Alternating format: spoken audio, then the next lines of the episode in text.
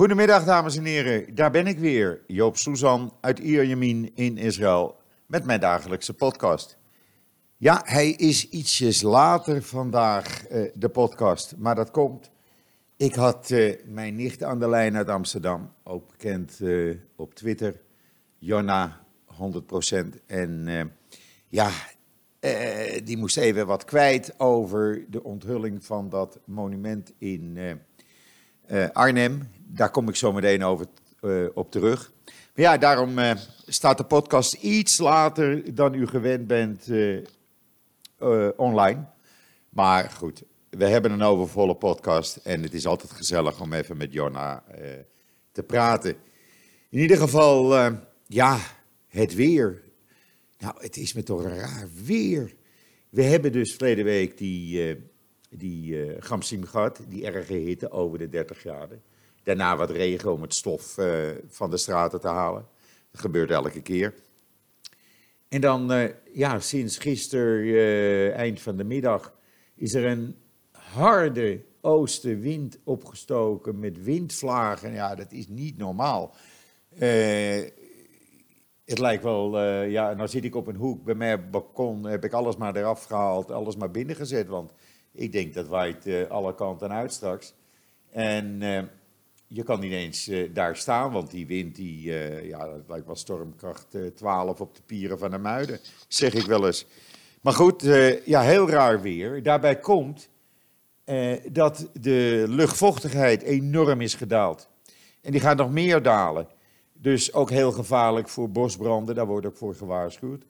En daarnaast eh, eh, is het eh, overdag dan zo'n 24, 25 graden, lekker blauwe lucht. Alleen die wind zit er dan eh, tussen. En dan ga ik vanmorgen eh, om half zeven de hond uitlaten. En het was 16 graden. Ik ben weer naar boven gegaan en ik heb gauw een dikke trui aangetrokken, want het was echt koud. Ik kan daar niet meer tegen. Mijn lichaam is daar niet meer aan gewend natuurlijk. En als je dan, eh, zoals wij dan hier de laatste acht maanden alleen maar eh, ja, temperaturen s'nachts had van eh, dik boven de 20 graden en nu opeens eh, 16 graden. En het wordt nog erger, want de komende nachten gaat de temperatuur dalen naar 11 graden, terwijl het overdag 25 graden blijft met een hele lage luchtvochtigheid. Dus ja, heel raar weer, maar zoals we zeggen, ja, de winter is begonnen dan in Israël. Er zijn ook inmiddels door eh, de winter eh, twee slachtoffertjes gevallen. Eh, in, een, in een kibbutz, niet te ver bij mij vandaan, kibbutz Baham, is een, eh, een palmboom omgewaaid door een van die windvlagen. En die is gevallen op twee meisjes die op de schoolbus stonden te wachten. Meisjes van 8 en 9 jaar oud. Eentje is ernstig gewond en de andere is eh, licht gewond, maar liggen wel beide in het ziekenhuis. Ja, ook dat gebeurt dan helaas eh, heel erg. En ik hoop ook, en wij hopen allemaal, dat eh, die eh, eh, kinderen eh, snel eh, herstellen in ieder geval. Ja, en dan, eh, wij hebben dan wel een, een, een soort storm hier, of in ieder geval harde wind. Maar eh, ondertussen is eh Netanyahu in, eh, in volledige paniekmodus gegaan. U kunt dat lezen ook op JoodsNL. Ik heb daar een artikel aan gewijd. Hij heeft gisteravond een, ja, hoe noemt hij dat? Een spoeddemonstratie heeft hij dat genoemd. Bij elkaar geroepen in de expohallen in Tel Aviv. Daar kwamen enige honderden mensen op af die hem toejuichten als eh, koning eh, Bibi.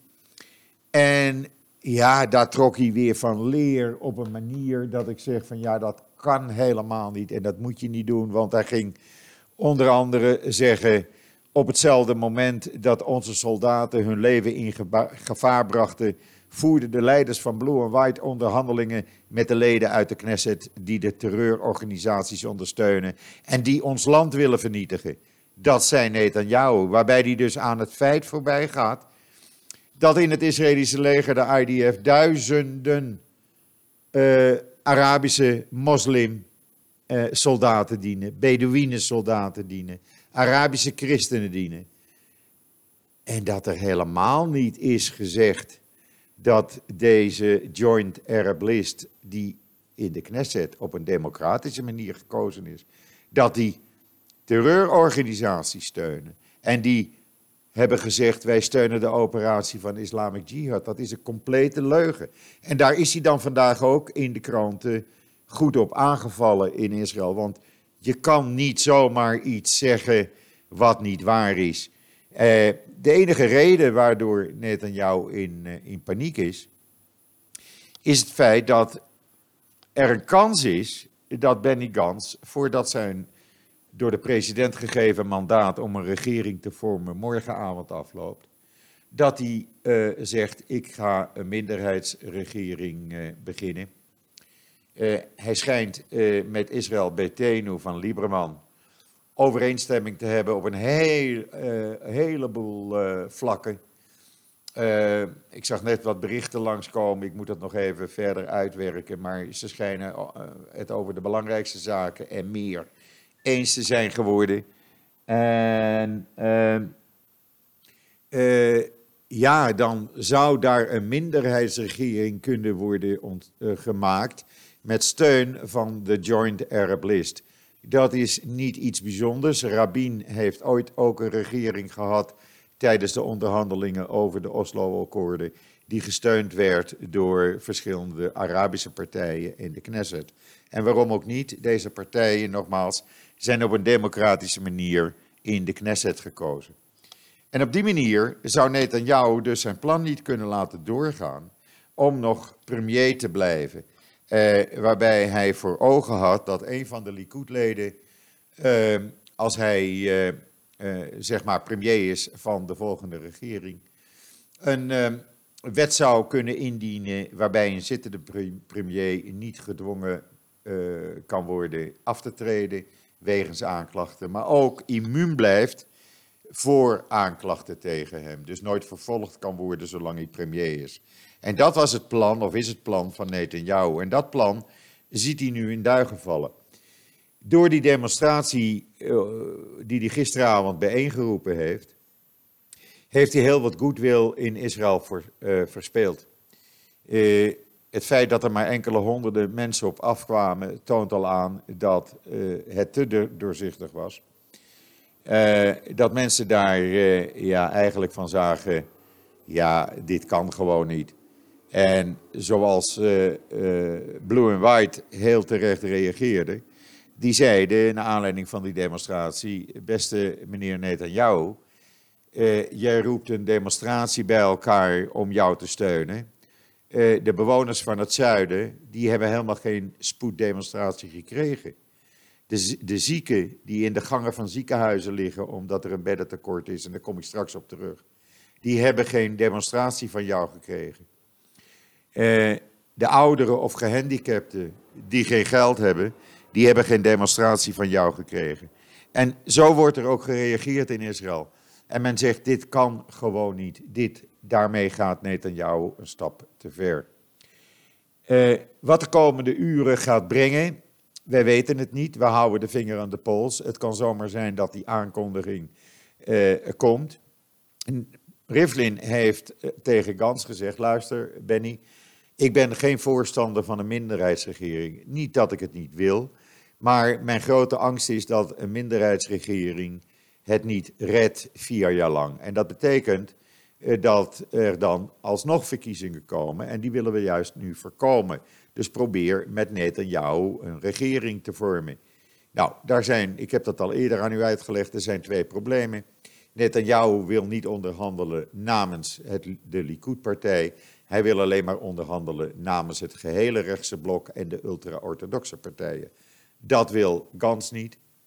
En het probleem met Gans is dat hij zegt: Oké, ik heb niets, niets tegen het voorstel van president Rivlin om een rolerend premierschap uh, uh, te doen met Netanyahu. En hij mag best premier zijn. Maar het gaat erom wanneer treedt hij terug, want dat moet dan wel gebeuren. Uh, gaat dat op, het moment gebeuren dat hij aangeklaagd wordt?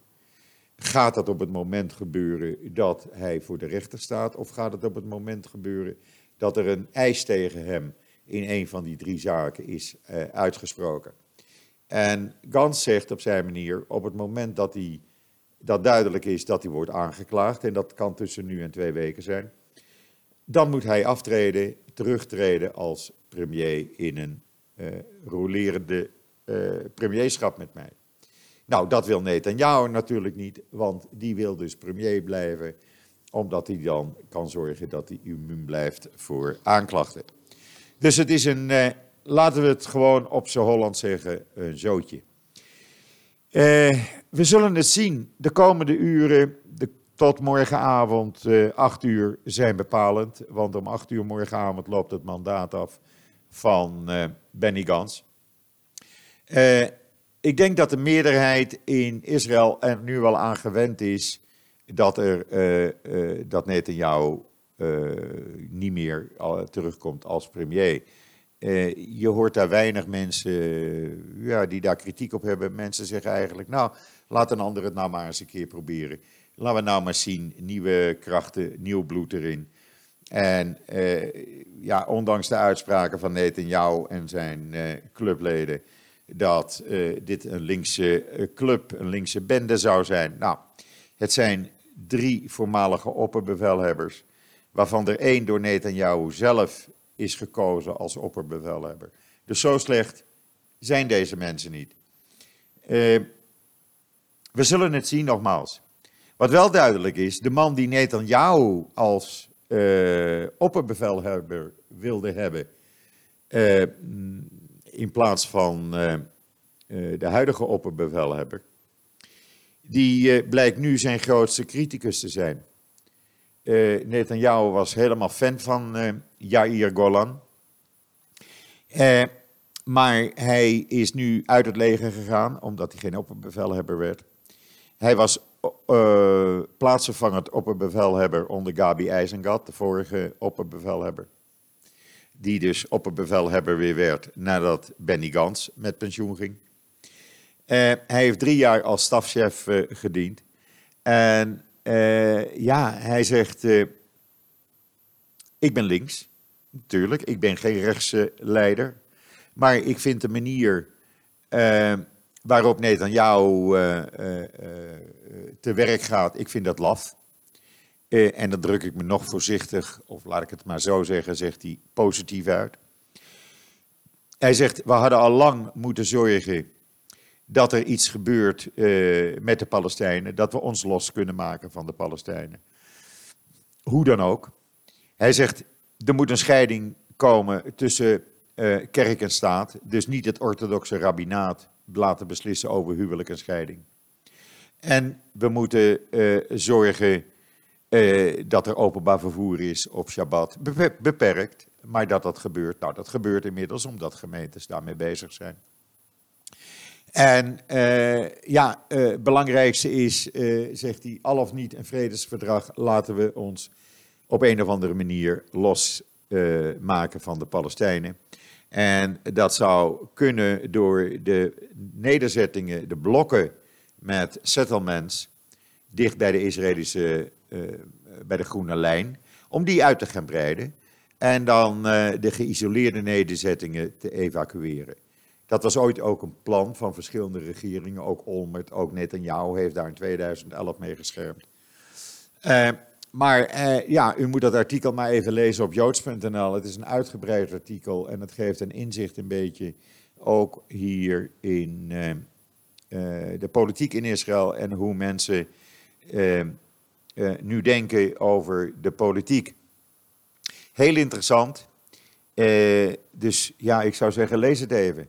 En dan de gezondheidsproblemen in Israël, het gezondheidssysteem dat wankelt. Helaas, ik heb het online moeten zetten, want het, het kan zo niet verder. U weet, ik heb een half jaar lang elke dag in Igelov gezeten, verleden jaar, tussen april en september, het moment dat mijn geliefde overleed. Maar ja, uh, toen was het al, kon ik al zien de druk van verplegend personeel. Hoe druk ze het hadden. Dag en nacht. Maar dat is nu volledig uit de hand gelopen. Er zijn afspraken gemaakt enige tijd geleden met de regering. Nou, ruim een half jaar geleden. Voor betere salarissen, voor meer geld, voor uitbreiding van het aantal verplegers en verpleegsters. En die afspraken, de regering heeft ze gemaakt en er gebeurt verder dus niks. En men zegt nu, ja, het, het kan zo niet langer. Wij moeten patiënten in de, veel ziekenhuizen in Israël komen patiënten binnen. Die kunnen niet op zaal, die liggen in de hallen, die liggen in de gangen.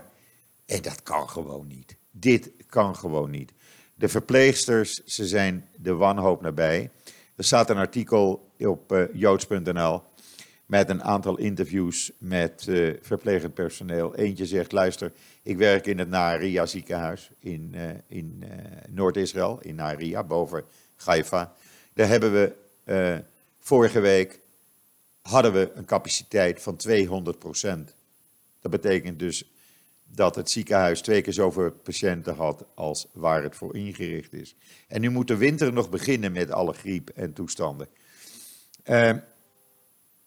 Volgens een rapport van de OESO zijn in Israël vijf verpleegkundigen voor uh, elke duizend burgers. Gemiddeld is dat in de OESO negen verplegers voor duizend burgers. Dus dat betekent al dat er hier in Israël echt veel meer verplegend personeel bij moet komen. Maar die moet je dan wel goed betalen. En als je dan toezeggingen doet dat uh, mensen voor uh, elk uur overwerk 35, ik reken het even om, 35 euro extra krijgen. En je komt die toezeggingen niet door als regering. Ja, dan zeg ik sorry, dan heb je geen, uh, geen respect voor wat er in het land gebeurt. Lees het artikel op joods.nl. Maar even een goed dingetje dan. De Israëlische economie, ondanks een maand lang Joodse feestdagen in, in oktober. Ondanks de schermutselingen elke keer weer met Gaza, de spanning aan de grens met uh, uh, Libanon, Syrië. in het derde kwartaal is de economie op jaarbasis nu uitgekomen op 4,1 procent. Dat is de economie op dit moment. Dat is fantastisch. Ik vind dat echt ongelooflijk. Vergeleken met Europa. Nederland doet iets van net boven de 1%. Wij komen dus in Israël met alle problemen waar Israël mee te maken heeft op een economische groei van 4,1%. Eh, ja, nogmaals, eh, ik vind dat een wonder. Ik vind dat eh, echt bijzonder. En we zullen zien hoe het definitieve eindcijfer uitkomt. Maar dat kan haast niet meer kapot, zou ik zeggen. En dan is gisteren, en daar had mijn nichtje Jonna het over. gisteren het Joods monument in Arnhem onthuld voor de 1500 weggevoerde Arnhemse Joden, weggevoerd door de nazi's, waarvan er maar een paar terugkwamen.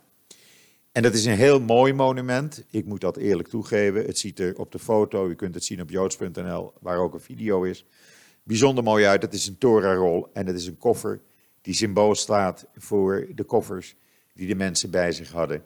Eh, omdat ze dachten, wij moeten onze kleding meenemen en dan komen wij wel weer terug. Heel bijzonder. En er staat een video met Max Nathans uit Israël in het uh, artikel. En Max Nathans was een van de weinigen uit Arnhem die de oorlog, de holocaust, heeft overleefd. Het uh, ontwerp van het monument is van Betty Jacobs. Haar grootouders waren een van de velen die uh, niet meer terugkwamen uit Sobibor.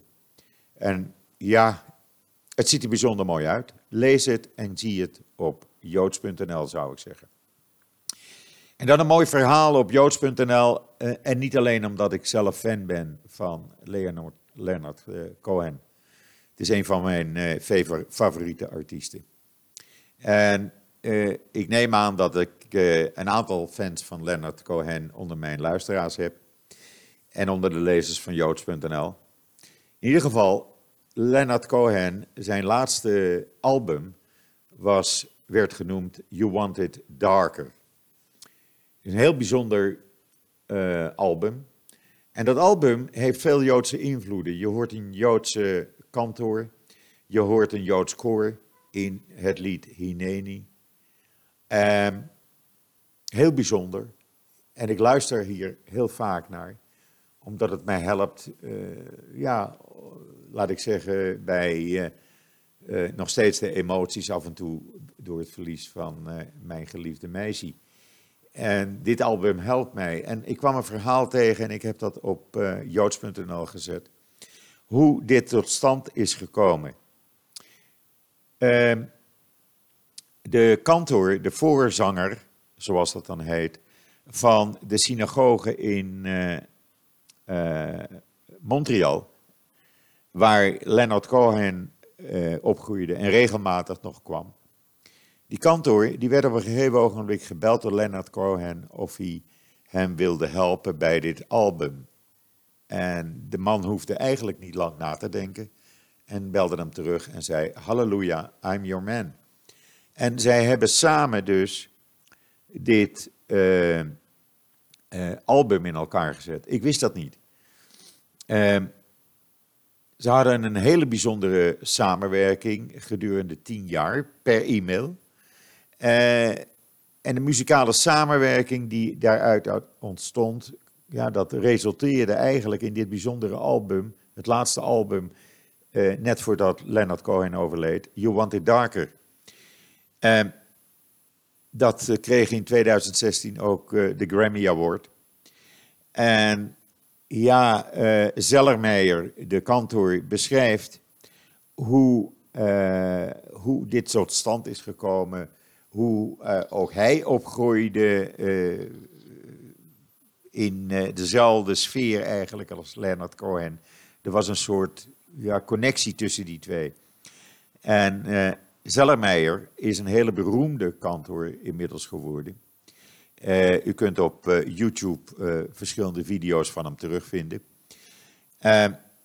maar dat geeft nog meer inhoud aan dit album You Want It Darker. U kunt het beluisteren op joods.nl. Lees het hele verhaal daar, want het is echt heel, heel bijzonder. En vooral als je dus een fan van Leonard Cohen bent. Ik heb hem ooit, jaren geleden, gaf hij een concert hier in Israël. Ik ben daar naartoe gegaan, dat was in een stadion in Ramat Gan, het voetbalstadion. Wij woonden toen in Givatayim. En ik ben daar naartoe gaan lopen, omdat ik... Uh, ja, ik denk parkeren, chaos. Dus het was uh, vijf kilometer lopen. En het leuke was, ik wist dat mijn jongste broer, die nog veel meer fan van Leonard Cohen is dan ik. Hij speelt ook uh, gitaar en zingt zijn songs. Dat hij daar ook zou zijn. En ik kom in het stadion, ik zoek mijn plaats. En wat blijkt, mijn broer met zijn vrouw zit achter mij. Ja, was ook heel bijzonder. En daar heb ik dus Leonard Cohen uh, voor het laatst in het echt uh, kunnen zien en horen. Fantastische ervaring die je eigenlijk dan nooit meer vergeet. Ja, en nu even toch iets heel anders. Ik had gisteren al tegen u gezegd, ik ben zo kwaad op de Nederlandse regering over, die, over dat voorstemmen, wat ze deden voor voorstemmen te, met anti-Israël resoluties binnen de UN de Verenigde Naties. En ik kwam een artikel tegen en dat heb ik eventjes online op joods.nl gezet. Een van die anti-Israël resoluties bepaalt, ja je gelooft het niet, dat de Tempelberg voortaan Haram al-Sharif heet. Met andere woorden, weg met de Joodse connectie van de Tempelberg vindt Nederland en alle andere EU-landen en, uh, en nog zo'n 125 andere landen. Weg met de Joodse connectie van de Tempelberg.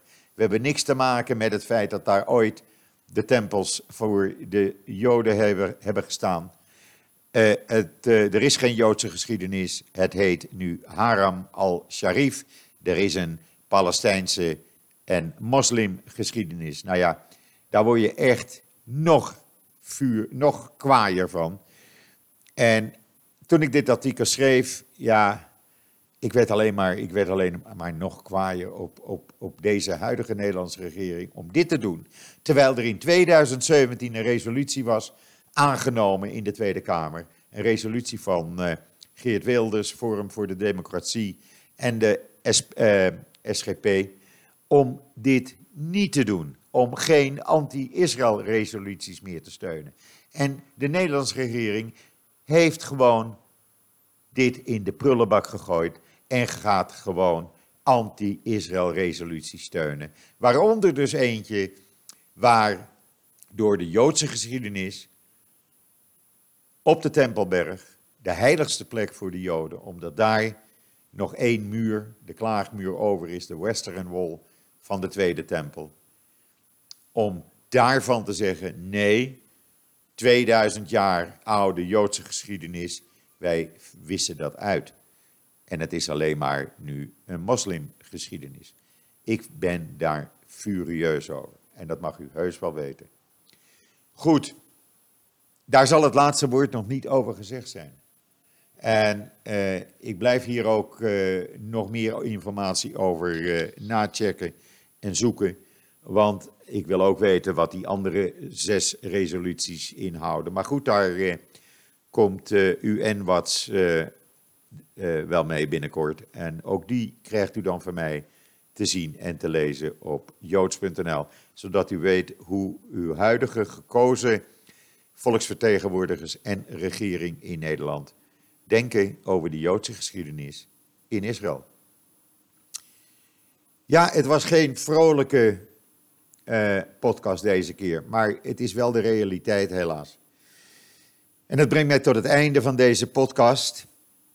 Rest mij u nog een hele fijne voortzetting van deze uh, maandag, de, 7, de 18e uh, november, toe te wensen. En wat mij betreft zeg ik, zoals iedere dag, tot ziens, tot morgen.